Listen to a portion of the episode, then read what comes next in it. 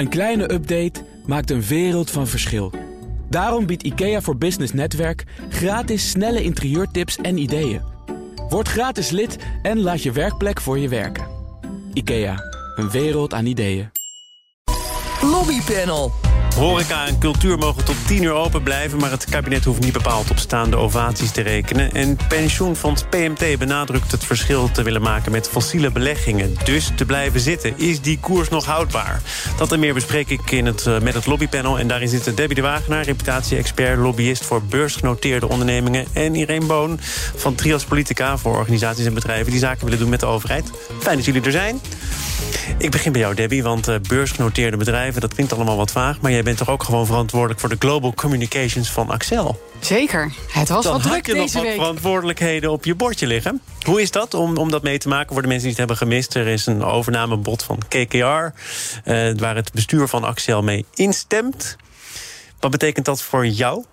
Eh, Dat betekent een hele drukke week met eh, allemaal calls van analisten en media. En het ontzettend goed uitleggen dat het een mooi overnamebod is en wat dit inhoudt. Is dat goed gelukt? Of zijn er dan in die drukke dagen ook nog momenten dat je dacht... ja, toch een scheve schaats ergens gereden?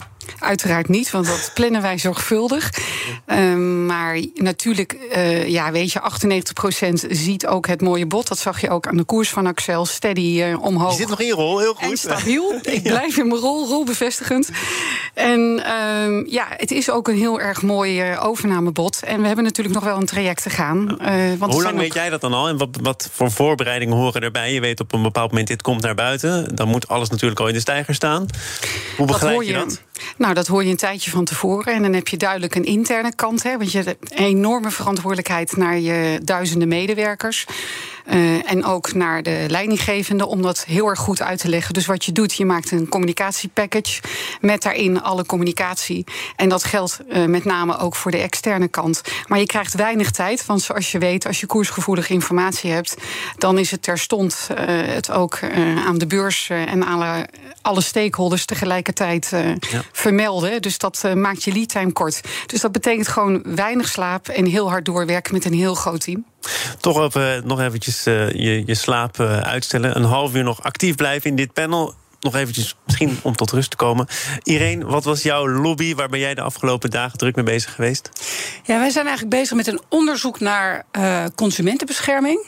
Maar het interessante is dat het ook een link heeft met eh, level playing field voor leveranciers. Ehm, het, gaat eigenlijk over de vraag heel algemeen: hoe weet je zeker dat je waar krijgt voor je geld? Dus hoe weet je zeker dat er 100 gram gerookte zalm in een pakje gerookt zalm zit? Eh, of is dat misschien eigenlijk minder? Dus voor consumenten natuurlijk van belang om te weten, want de koopkracht is er niet veel beter op geworden. Maar voor leveranciers ook van belang om te weten dat als zij zich netjes aan de regels houden dat hun concurrenten dan niet stiekem 80 gram erin stoppen en daarmee eh, hun concurrentiepositie bevoordelen. En we zijn aan het kijken hoe dat nou in elkaar steekt. Eh, en de wetgeving is op zich volgens mij best wel op orde. Alleen de handhaving, daarvan is de vraag hoe het daarmee gesteld is. Zeg Er ik. doen me drie letters op in mijn hoofd. ACM. Dat zou je denken. Eh, dat dacht ik namelijk ook. Maar de eh, toezichthouder hier is de Nederlandse Voedsel- en Oh ja. Warenautoriteit. Iets meer letters, maar die, die hebben dan toch de verantwoordelijkheid om hierop toe te zien. Ja, maar je zou eigenlijk ook, eh, omdat het ook met meteorologie te maken heeft, zou je je ook kunnen voorstellen dat bij agentschap Telecom thuis hoort. Nou, kortom, we zijn aan het kijken hoe zit het nou precies en hoe kan je nou zorgen dat als je eenmaal langs die keuring bent gegaan, als pro- producent of als leverancier, dat je dan ook 10, 15, 20 jaar na dato nog compliant bent. Want daar eh, zou wel eens wat eh, kunnen zitten. Oké, als daar inderdaad meer nieuws over is, meld het hier. Dan eh, naar nieuws van gisteravond met verstrekkende gevolgen. Onder andere voor cafés, restaurants, bioscopen, musea en theaters. Want die mogen de deuren voortaan openen tot tien uur s avonds. Hoorden we gisteravond van minister Ernst Kuipers. Die begon overigens, laten we daar maar dan dit ook maar mee beginnen. Niet Rutte, maar Kuipers begon met de persconferentie. Goeie zet. Dat kan ik me voorstellen. Hij mag het goede nieuws brengen. Dus ik denk dat ze deze minister daar eh, wat dat betreft wel mee helpen. Hij mag het uh, af en toe nog wel wat, ja, vind ik, enthousiaster brengen. Maar als je dan ook weer naar de inhoud kijkt, dan denk ik van nou, dat is toch al een gemengd voorstel wat je ja, daarin neer hebt ja. gelegd. Want uh, het is iets, maar te weinig om echt enthousiast van te worden. Nou ja, laat ik het zo zeggen. De horeca is enthousiast. Uh, heeft dat ook direct in een statement, ik geloof 20 minuten na afloop van de persconferentie, naar buiten gegooid. Maar het zijn echt schijnversoepelingen als je kijkt naar de cultuursector.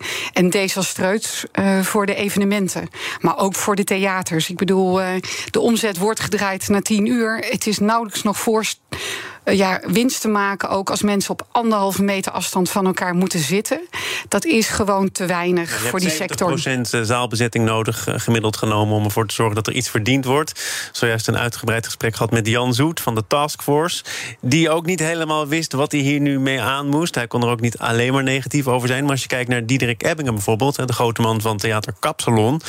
Die gaf meteen aan: dit is economisch niet haalbaar. Hier zijn we niet mee geholpen. Moet je hoe moeilijk dat ook klinkt, hè, je zegeningen op een bepaald moment ook tellen? Of hoort hier meteen bij: het is te weinig, we moeten door? Ja, ik, ik vond het echt heel erg jammer om de uh, apotheose van, uh, van Theater Kapsalon te zien. Ik vond het een waanzinnig goed, slim initiatief van een sector die het heel zwaar heeft. Wat ik er sympathiek aan vind, en dus lobbytechnisch heel sterk, is dat het getuigt van inzicht. Dit zijn nou eenmaal de kaders. En daarbinnen gaan we toch iets bedenken wat zo slim is dat het, dat het werkt. De handhaving is ook nauwelijks uiteindelijk gedaan. Dus dat is, was echt prima. De hele pers was internationaal lovend erover. Dus dat was echt schot in de roos. En wat gebeurt er aan de vooravond van de persconferentie? dat dezelfde initiatiefnemers, in dit geval was het uh, Sander Wallis de Vries, eigenlijk op voorhand al begon, ja, maar het is veel te weinig en dit kan niet. Maar het is toch ook te weinig als ja, je er economisch naar kijkt? Ja, maar het is lobbytechnisch zo ontzettend zonde, want ze had echt goud in handen. Ze hebben iets supergoeds neergezet. En eigenlijk waar Horeca Nederland al twee jaar lang uh, roept... het is allemaal te weinig en het is allemaal niet goed... waar iedereen genoeg van heeft, draait hier de rol om... en doen zij op het moment dat ze eigenlijk heel ver zijn gekomen... precies dat. Wat veel slimmer was geweest wat mij betreft... is zeggen, oké, okay, we gaan dit uh, starten. Hoera, we kunnen open. En die sprankeling in de samenleving waar ze het over hebben... gaan we ook organiseren. Daar loopt dan de logistiek vast. Dus organiseer dat nou. Dat heel Nederland zegt, nou wat jammer, want nu kunnen we niet op tijd naar huis. En ga dan in de tweede ronde nog eens praten en zeggen: jongens, we zijn bezig. Moet je kijken wat goed. We hebben alleen even hulp nodig. Debbie. Ja, ik zou ook zoeken naar een compromisvorm. En ik zie ook uh, in de berichtgeving dat de cultuursector dat aan het doen is. Dus dat is goed. Ik ben het wel eens met Irene dat daar waar het je lukt, en dat is de cultuursector toch niet eerder gelukt, met een positief initiatief, ook reputationeel, jezelf op de kaart te zetten, moet je eigenlijk kijken hoe je die sympathie eigenlijk niet verspilt. Ik zie wel ook. Hoe doe je dat als je niet tevreden bent met het resultaat? Door een hele ludieke actie te bedenken, waardoor je uh, ook laat zien in die diezelfde sympathieke toon dat je het er totaal niet eens mee bent. En ik zou vervolgens daar ook een termijn aan verbinden. Want dat is iets wat echt wel slim is van luister. Als wij nog steeds zien na drie weken, ik noem maar wat, van uh, de besmettingen die blijven zoveel en er komt niemand meer op de IC, dan is er toch werkelijk geen reden meer waarom de cultuursector niet volledig open mag. Dus ik hoop echt van ganse harte dat ze die sympathieke toon weer weten te vinden, ondanks de enorme teleurstelling. Want dat is het. natuurlijk aan sympathie winnen door te zeggen: het OMT verplicht ons eigenlijk, adviseert ons om uh, eerder dicht te gaan. Wij hebben jullie als culturele sector gemist. We willen ook niet de flauwste zijn. Tien uur daar prikt iedereen doorheen. Want dat is elke keer weer dat lekken voor de, voor de datum waarop het naar buiten gaat. En dan kan je inderdaad wel proberen sympathie te wekken. Maar het is toch nog een beetje threshold houden op uh, de totale openingen. En ik denk dat daar de cultuursector en ook de evenementensector gewoon de dupe van wordt. En ik weet niet wat je nog meer nodig hebt. Want bijvoorbeeld België is een grote testcase geweest, Duitsland, Engeland en Nederland zelf ook. En de afgelopen weken zie je gewoon geen toename op de IC. Waar wacht je dan nog op? Want ik bedoel, dat is een hele duidelijke steekproef geweest. Gewoon mee ophouden. Jij haalde iedereen de horecasector al aan. Daar hebben we de afgelopen week in verhouding dan weer iets minder van gehoord. Hadden nog wel behoorlijk de P in. Um, toen het eh, er nog niet zo goed uitzag. Afgelopen week was het wat stiller, behalve dit statement. Het is tijd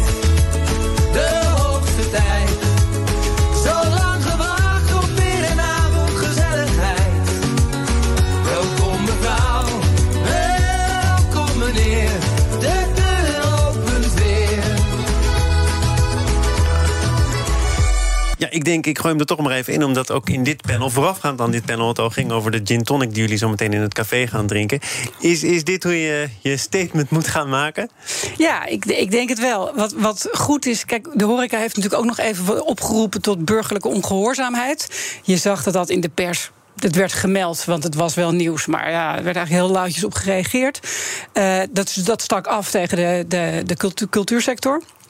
Uh, maar het sympathieke geluid nu van oké, we kunnen open, we gaan het creatief doen en we gaan alles op alles zetten om het toch uh, waar te maken, straalt af op iedereen. Wij zeiden het ook tegen elkaar, we kom op, we gaan de kroeg in, we blijven daar gewoon zitten nu. Iedereen wil graag. Iedereen zit met een grote glimlach in die cafés. Spijt me dat ik de hinderlijke onderbreking ja, ben om al die mooie plannen ja. uit te voeren. Ja, mijn excuus. We gaan het over iets anders hebben. BNR Nieuwsradio. Zaken doen. Thomas van Zeil. De gast is het lobbypanel Debbie de Wagenaar, Irene Boon. We gaan het hebben over het pensioenfonds PMT. Dat blijft vasthouden aan beleggingen in de fossiele industrie. Het metaalfonds is namelijk van plan om zijn tanden te laten zien. Dat vertelden twee bestuurders gisteren aan het FD. Het standpunt van PMT staat dan weer in contrast met andere fondsen die recent hebben aangekondigd. Wij stappen uit fossiel. ABP is het bekendste voorbeeld. Snap jij dat eh, PMT voor deze andere route kiest, Debbie? Daar is veel voor te zeggen, want dit gaat natuurlijk over van wat is jouw kracht als uh, belegger, als aandeelhouder. Hè? Op het moment dat je blijft beleggen in die fondsen en aanwezig bent op aandeelhoudersvergaderingen, betekent ook dat je zeggingskracht hebt. En waar gaat dit hele verhaal over? Namelijk dat je wil dat die duurzaamheidstransitie sneller gaat verlopen, zodat we CO2 met elkaar verminderen, zodat we allemaal duurzamer gaan produceren. Dus als jij ook de fossiele brandstofproducenten uh, in die regel wil krijgen en wil zorgen dat er uh, wordt versneld, dan zou ik het heel erg goed, en dat begrijp ik ook heel erg goed, dat je in die aandeelhoudersrol blijft en dat probeert te pushen. Tot je geduld op is en je zegt op deze manier gaan we niet verder. Lees de beslissing van ABP. Dat riep onmiddellijk bij mij op dat de duurzaamheidstransitie, en dat zegt het wel, is een duurzaam proces. En wat daarvoor nodig is, is een lange adem en veel spierkracht.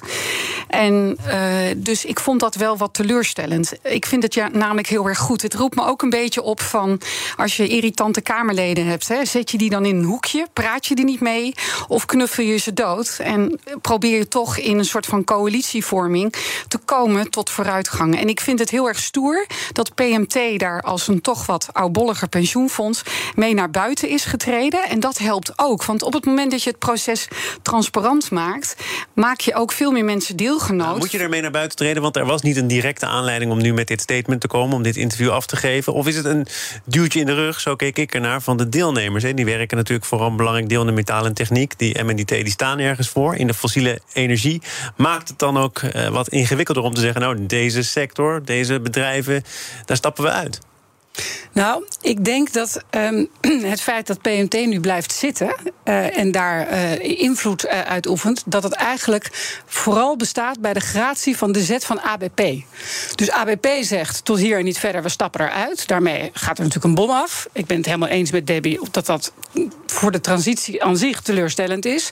Maar daarmee is natuurlijk een gouden baan ge gecreëerd voor het metaalfonds. Die kan zeggen: wij blijven zitten, maar pas op, als je ook maar een beetje te ver gaat, dan doen wij hetzelfde als ABP. En ik denk dat het statement wat nu, wat mij betreft, ook een beetje uit de lucht kwam vallen, met dat oogmerk ook gemaakt is zodat, kijk, de kans bestaat natuurlijk dat zij net zo goed als ABP na twee jaar zeggen: het is niet gelukt, we, we gaan. Dat geven ze nu ook al aan. Hè? Er moet echt wel iets gerealiseerd zijn. Er moet een plan op papier komen. Zo niet, dan.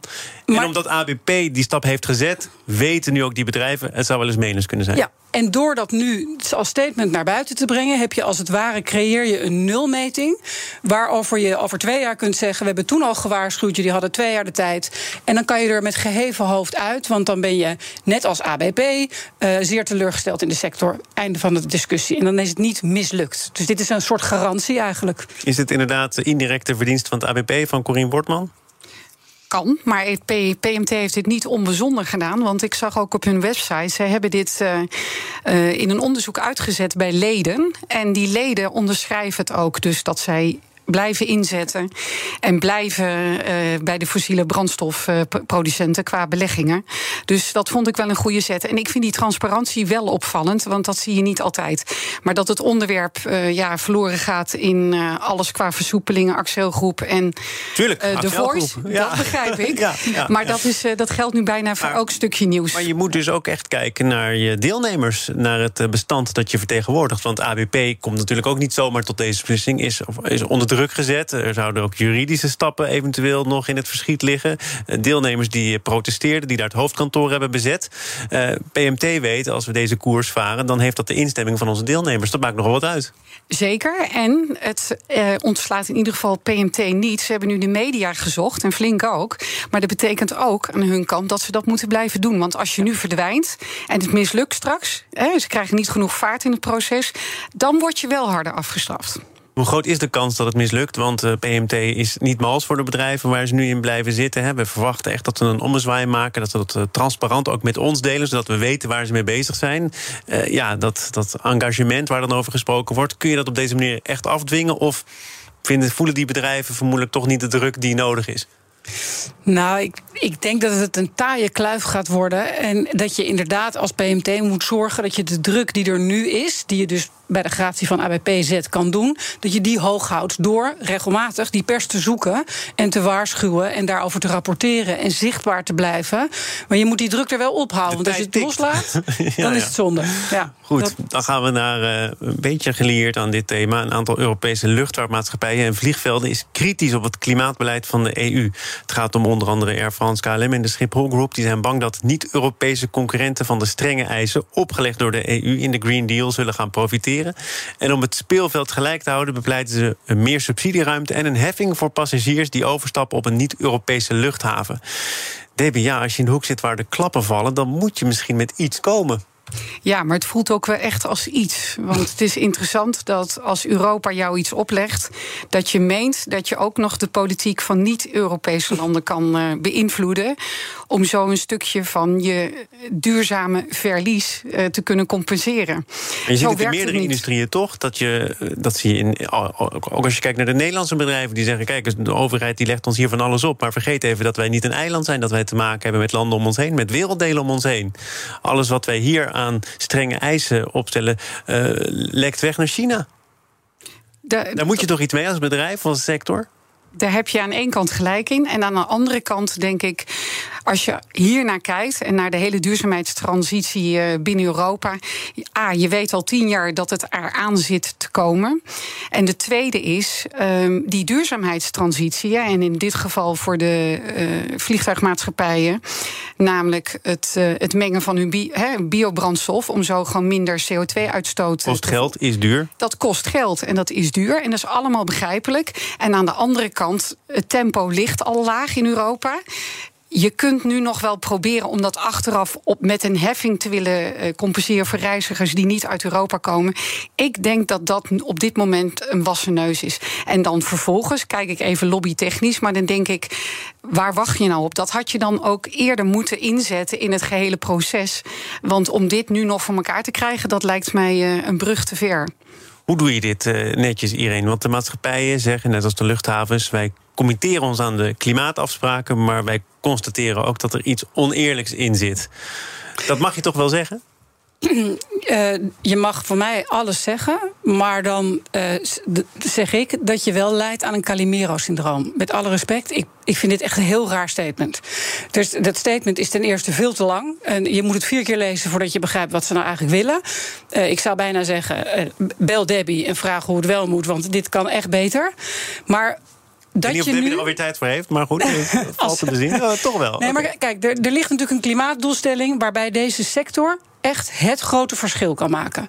Dan kan je wel een beetje gaan, ja, als een Calimero, een beetje gaan huilen. Dat het heel oneerlijk is dat jij binnen de Europese Unie en de interne markt, waar je voor al het overige enorm veel profijt van hebt, uh, nu een soort ongelijk speelveld krijgt met de rest van de wereld. Ja, dat, dat is de andere nou, kant van de interne ook, markt. De praktische uitvoerbaarheid, hè, want ze zeggen er zullen passagiers zijn die dit stelsel gaan proberen te ontvluchten, die Europa links laten liggen. En uiteindelijk kan dat zelfs leiden tot meer uitstoot. Dus waar ben je nou mee bezig? Dat is, de dat is een negatief scenario vanuit een met echt uh, Calimero-gedrag. Ik zou zeggen, uh, profileer je nou als de kip met de gouden eieren en draai het om en zeg dan: we hebben die klimaatdoelstelling. Uh, die, daar, dat is voor iedereen lastig. Wij als sector kunnen dat versnellen voor jullie. We gaan 100% biobrandstof gebruiken. Daarmee halen jullie je doelstellingen zoveel jaar eerder. Save the planet. Het enige is dat we daar dan een beetje hulp bij nodig hebben. KLM doet het overigens al een klein beetje. Hè. Die hebben de tickets uh, in prijs verhoogd... omdat ze op eigen initiatief, vooruitlopend op wat Europa zo meteen verplicht... al biokerosine gaan gebruiken. En ze hopen dat, door daar nu mee te beginnen... een markt te creëren waardoor die biokerosine uiteindelijk veel minder duur wordt. Uh, en toch staat ook hun naam onder dit statement. Uh, is dat met elkaar te verenigen? Ja, schijnbaar. Kijk, je hebt natuurlijk wat je extern uitstraalt. En je hebt natuurlijk ook het, het politieke proces. En dat wil niet altijd met elkaar corresponderen. En ik ben het ook echt met Irene eens. Van luister, ga nou vooruitlopen in alles wat je doet. En ja, dat kost geld. Maar dat weet je al jaren dat het eraan komt. Je kan wel nog kijken van oké, we schetsen bijvoorbeeld twee of drie scenario's. En dat je bijvoorbeeld een deal maakt uh, met de overheid. Dat als een worst case scenario uitkomt. Dat je daar op een bepaalde manier kan compenseren. Maar om nu over alle bruggen heen te roepen. Nou, dan gaan we een heffing doen op de niet-Europese consumenten dat voelt als afwenteling voor mij op een reiziger. Alsof zij to blame zijn. Nee, we zitten met elkaar in een ingewikkelde duurzaamheidstransitie. En ik mis even daarin de, ja, de, het raffinement en de detail. Waardoor je gewoon ook laat zien: ik loop vooruit en ik wil vooruit lopen. We gaan dit met elkaar cheffen. En dan zou ik in het lobbytraject, helemaal niet zo zichtbaar in de media, zou ik gewoon uh, gaan kijken van oké, het zou ook iets negatiever kunnen uitpakken. Wat zullen daar de, de consequenties van zijn en wat kunnen we daarmee zou, doen. Zou je de klus aannemen? Je bent hier net naar voren geschoven als kandidaat om deze lobby wat handen en voeten te geven. Dat, uh, dat, is een uh, hele persoonlijke vraag waar ik heel lang over na ga denken. Maar in ieder geval met de scope die ik de komende maanden heb, zou ik hem niet kunnen aannemen. Maar het is wel heel interessant. En ik vind, mediaal gezien, dat ze het hier niet goed hebben gedaan. Dus dat zou ik wel onmiddellijk uh, willen verbeteren. Debbie de Wagenaar is dan ook reputatie-expert en lobbyist voor verschillende beursgenoteerde bedrijven. Fijn dat je er was. Irene Boom van Trias Politica. Succes met het onderzoek. Kom erover vertellen als er meer over bekend is. Zeker. Zometeen dan praat ik verder over digitaal leiderschap in onze interviewserie De Veranderaars.